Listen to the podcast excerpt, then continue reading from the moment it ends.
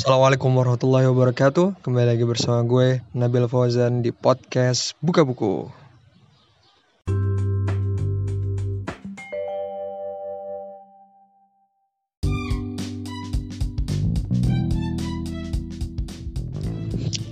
Halo semuanya, apa kabar? Gue berdoa kepada Allah Subhanahu wa taala semoga kalian tetap dirahmati olehnya dan juga dijauhkan dari penyakit dan juga wabah yang setengah melanda.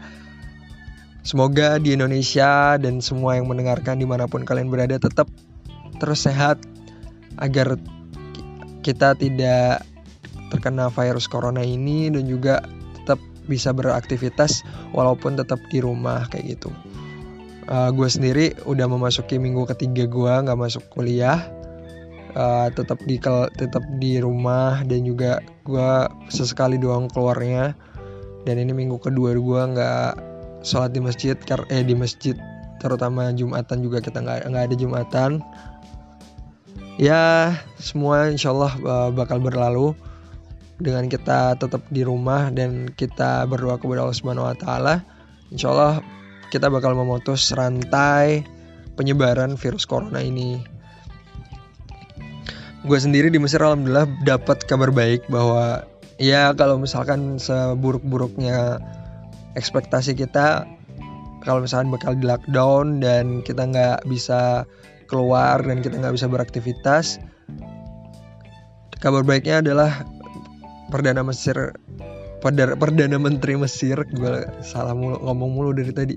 Perdana Menteri Mesir mengumumkan bahwa Mesir punya ketahanan pangan yang cukup panjang sampai enam bulan ke depan dan itu cukup mengembirakan buat kita semua. Dan karena mungkin salah satu kelebihan yang militer ini memang kayak gitu ya. Jadi ketahanan pangannya cukup tinggi.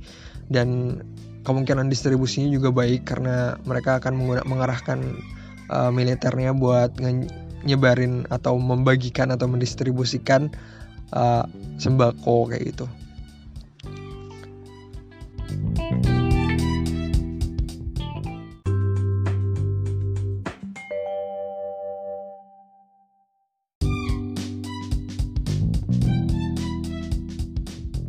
Oke, okay, untuk podcast kali ini gue bakal ngebahas syubhat yang selanjutnya. Dan ini cukup menarik juga karena berkaitan dengan tempat tinggal gue di Mesir sekarang, domisili gue yang di Mesir sekarang, karena syubhatnya tentang Riyadh Ahlu Misr atau hujan yang dilanda penduduk Mesir. Waktu zamannya Nabi Yusuf. Jadi di dalam Al-Quran itu ada ayat yang berbunyi thumma ya'ti min ba'di dzalika 'amun fihi yughathun nas wa fihi ya'sirun. Ayat uh, surat Yusuf ayat 49 dan artinya adalah dan setelah itu datang uh, tahun di mana uh, di sana manusia mendapatkan hujan dan ia mem mereka membuat minuman-minuman uh, kayak gitu. Dan kenapa ayat ini terus diserang atau diberikan syubhat kepadanya? Seperti biasa bahwa mereka akan mencari mencari-cari kesalahan yang sebenarnya tidak tidak tidak terjadi gitu atau tidak ada di dalam Al-Qur'an kayak gitu. Nah, kali ini nas syubhatnya apa yang mereka serang atau apa yang mereka garis bawahi di ayat ini yaitu bahwa ayat ini tuh menjelaskan kalau misalkan setelah ada musim kemarau di ayat-ayat yang sebelumnya itu menjelaskan ada musim kemarau yang terjadi di Mesir lalu setelah itu terjadi atau datang masa-masa subur yaitu ketika setelah Allah Subhanahu wa taala kirimkan hujan kepadanya. Jadi setahun itu dia bakal banyak hujan kayak gitu. Dan uh, mereka yang mereka itu mempertanyakan bahwa kok bisa sih atau gimana caranya atau gimana ceritanya kalau Mesir itu bisa kena hujan selama setahun karena Mesir itu kalau misalkan sekali kena hujan aja langsung banjir di mana-mana. Dan itu benar-benar kejadian. Maksudnya maksudnya itu emang realitas di zaman sekarang itu kayak gitu. Jadi hmm, kalau di Mesir kalau misalkan sekali hujan aja padahal hujan tuh setahun paling dua kali tiga kali empat kali. Empat kali itu udah paling banyak. Dan sekali hujan itu lumpuh Mesir tuh. Jadi terutama Kairo jadi setiap kali hujan ya berarti gue libur gitu. Jadi gue nggak masuk kuliah gitu kalau hujan. Karena uh, pertama Mesir tuh nggak dibangun dengan irigasi uh, sistem uh, penceg apa penyerapan air yang baik. Jadi nggak ada got-got itu nggak ada di Mesir. Jadi jalanan tuh kalau misalkan kena hujan udah langsung banjir kayak gitu. Dan ini yang mereka elaborasikan gitu. Maksudnya Mesir kena hujan sekali aja bisa banjir. Kok bisa? Di dalam Al-Quran ngebahas kalau misalkan Mesir tuh ada satu satu tahun yang isinya hujan kayak gitu setelah kemarau. Dan itu poin yang emang mereka ingin sampaikan bahwa Al-Quran ini berlainan atau berlawanan dengan realita kayak gitu. Jadi kok bisa kayak gitu kan? Beda nih sama realita yang gue lihat kalau kalau misalnya bahasanya gitu kan dibahasain orang di Mesir kayak gitu kok bisa di Al-Quran kayak gini kayak gitu. Ya nanti kita bakal bahas dengan secara ya ini sebenarnya syubhat yang cukup mudah untuk di ser, apa di dijaga atau di counter gitu. Jadi karena emang uh, ini tuh cukup sederhana insya Allah pembahasan kita nggak bakal berat-berat hari ini. Dan uh, memang mereka itu sebenarnya kalau dilihat dari dasarnya adalah kebanyakan adalah saham salah paham tentang bahasa Arab kayak gitu. Mau tahu pembahasan selanjutnya? Tetap stay tune ya.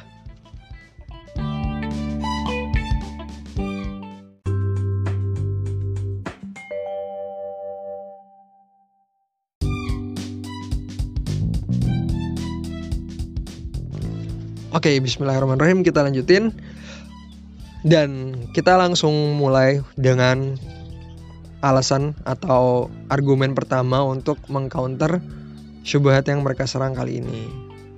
Yang pertama, bahwa al-ghiyas di dalam bahasa Arab itu ada dua makna, yaitu atau yugos itu bisa bisa berarti dari dua makna. Yang pertama itu adalah al-ghiyas bimakna al-motor, yaitu ghiyas uh, hujan yang bermak yang apa hias yang bermakna motor itu maksudnya hias itu adalah hujan kayak gitu. Dan yang kedua adalah hias bermakna an-najah dan yang kedua adalah hias yang bermakna keselamatan kayak gitu. Dan kita bakal bedah satu persatu kalau misalkan jawabannya dari hujan kayak gimana dan kalau misalkan dari sisi keselamatan itu kayak gimana.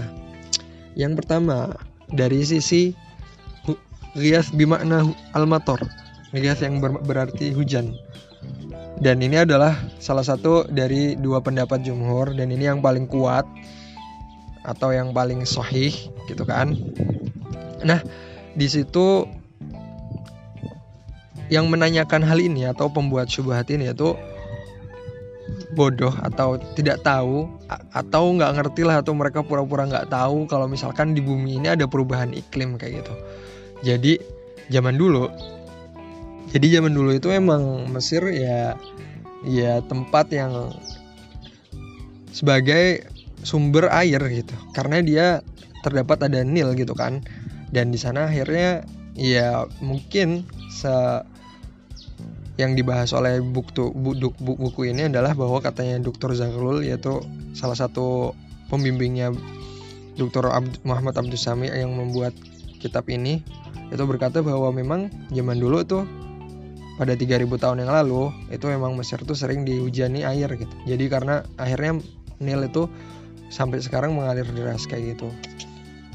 Dan yang kedua bahwa Mesir atau Misro yang disebut di dalam Al-Quran itu ya bukan seperti yang sekarang gitu. Maksudnya bentuk Mesir tuh nggak nggak sesempit yang kita lihat gitu loh. Yang bukan yang uh, sebuah daerah yang ada perbatasannya dari sini ke sini terus habis itu disebut ini Mesir. Itu kan cuma kayak ya zaman baru baru akhir-akhir ini aja di, disebut sebagai Mesir dengan potongan segitu gitu. Nah, yang dimaksud di dalam Al-Quran ini adalah sebuah ya luas lah, nggak cuma sepotong Mesir itu doang dan lebih kayak sepaham aku itu uh, ya yang dilewatin Nil ini kayak gitu. Jadi yang dilewatin Nil ini adalah ada bisa disebut adalah Mesir kayak gitu. Maka dari itu ya ketika mereka bilang kalau misalkan kesuburannya Mesir yang disebut dalam Al-Qur'an itu masdarnya adalah Nil atau sumbernya adalah karena Nil itu salah juga karena ya Nil itu kenapa bisa akhirnya jadi sumber kehidupan atau sumber kesuburan di ya daerah yang dinamakan Misro ini adalah ya karena hujan gitu. Karena mereka itu gabungan-gabungan dari hujan gitu selain dari selain dari laut gitu kan. Dan mereka karena mereka itu ya tambahan-tambahannya adalah kenapa bisa panjang dan akhirnya luas gitu ya karena hujan juga kayak gitu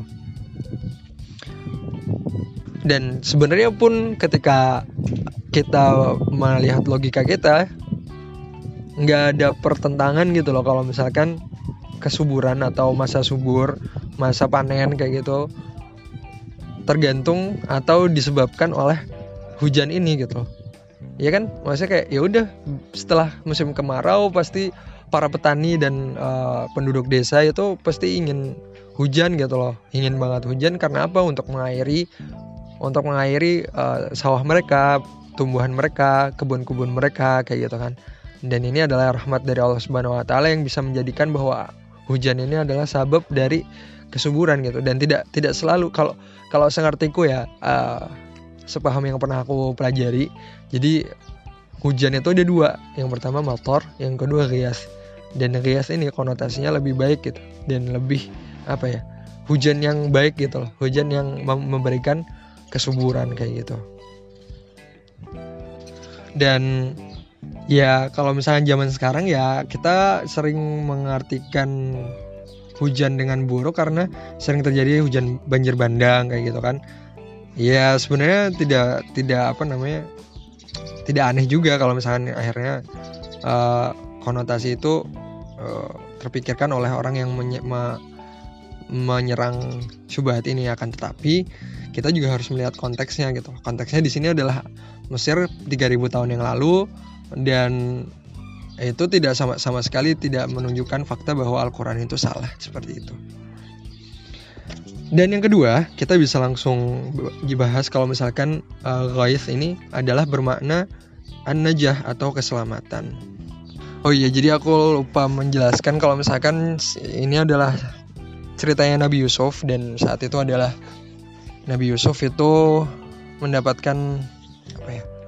kepercayaan oleh dari seorang raja di saat itu akhirnya dimintai fatwa atau dimintai takwil tentang ayat eh, tentang uh, mimpinya si raja tersebut dan yang melihat bahwa uh, ada tujuh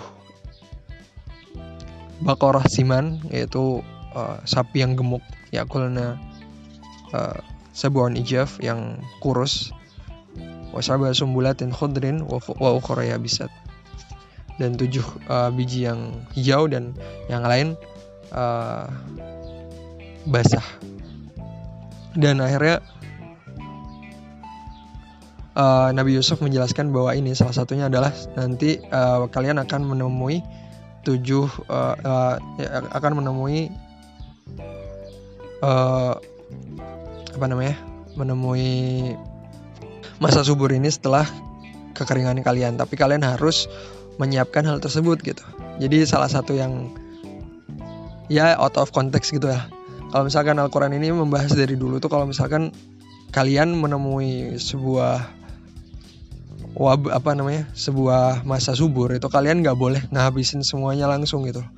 Jadi kalian harus juga mempersiapkan kalau misalkan setelah itu nanti ada bencana yang mem tidak memungkinkan kalian untuk pergi ke sawah atau memungkinkan kalian untuk menimbun makanan kayak gitu. Jadi kalau misalkan ada perlebihan kelebihan makanan jadi jadikanlah itu sebagai cadangan pangan kayak gitu. Dan ini terjadi juga ketika kita akhirnya menemui wabah corona ini ketika kita tidak menyiapkan hal tersebut akhirnya seluruh penduduk yang ada bisa jadi kelaparan kayak gitu karena para petani tidak berani untuk berangkat ke sawah dan akhirnya stok pangan berkurang dan akhirnya mungkin terjadi kelaparan seperti itu.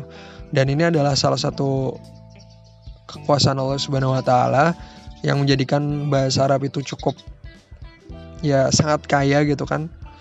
Bisa jadi satu satu kata itu bisa memiliki makna yang mungkin berbeda tapi bisa saling berkaitan seperti itu. Kayak di kasus ini al-ghaith ini bisa bermakna hujan yang sebenarnya yang ber yang ada rahmat di dalamnya dan bisa menjadi keselamatan kayak gitu.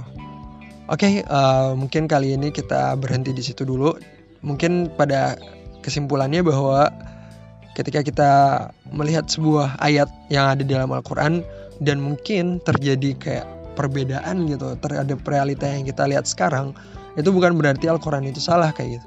Cuma kita harus melihat konteksnya di dalam itu Al-Quran sedang membahas apa lalu pada zamannya siapa kayak gitu. Dan mungkin kalau misalnya kita bisa ambil untuk zaman sekarang kita harus mengambil dengan apple to apple gitu maksudnya ya secara kiasnya tuh baik gitu dan uh, setara gitu. Uh, dan kita nggak bisa asal ngambil itu dan kita harus merujuk semuanya ke uh, masyayikh kita. Boleh kita bertadabur tapi kita nggak boleh juga akhirnya mengambil hukum dari uh, menghukumi ayat tersebut bahwa ayat tersebut tuh uh, kurang baik dan segala macam karena semuanya itu adalah uh, firman Allah Subhanahu wa taala yang dititipkan kepada Nabi Muhammad SAW dan tidak ada yang salah di dalam Al-Qur'an seperti itu. Mungkin buat podcast kali ini kita cukupkan terlebih dahulu. Kita ketemu pekan depan di hari Jumat seperti biasa dan tetap sehat semuanya stay safe at home dan jangan lupa minum air putih yang banyak dan vitamin C agar imun tubuh kita tetap terjaga. Saya Nabil Fauzan undur diri terlebih dahulu. Assalamualaikum warahmatullahi wabarakatuh.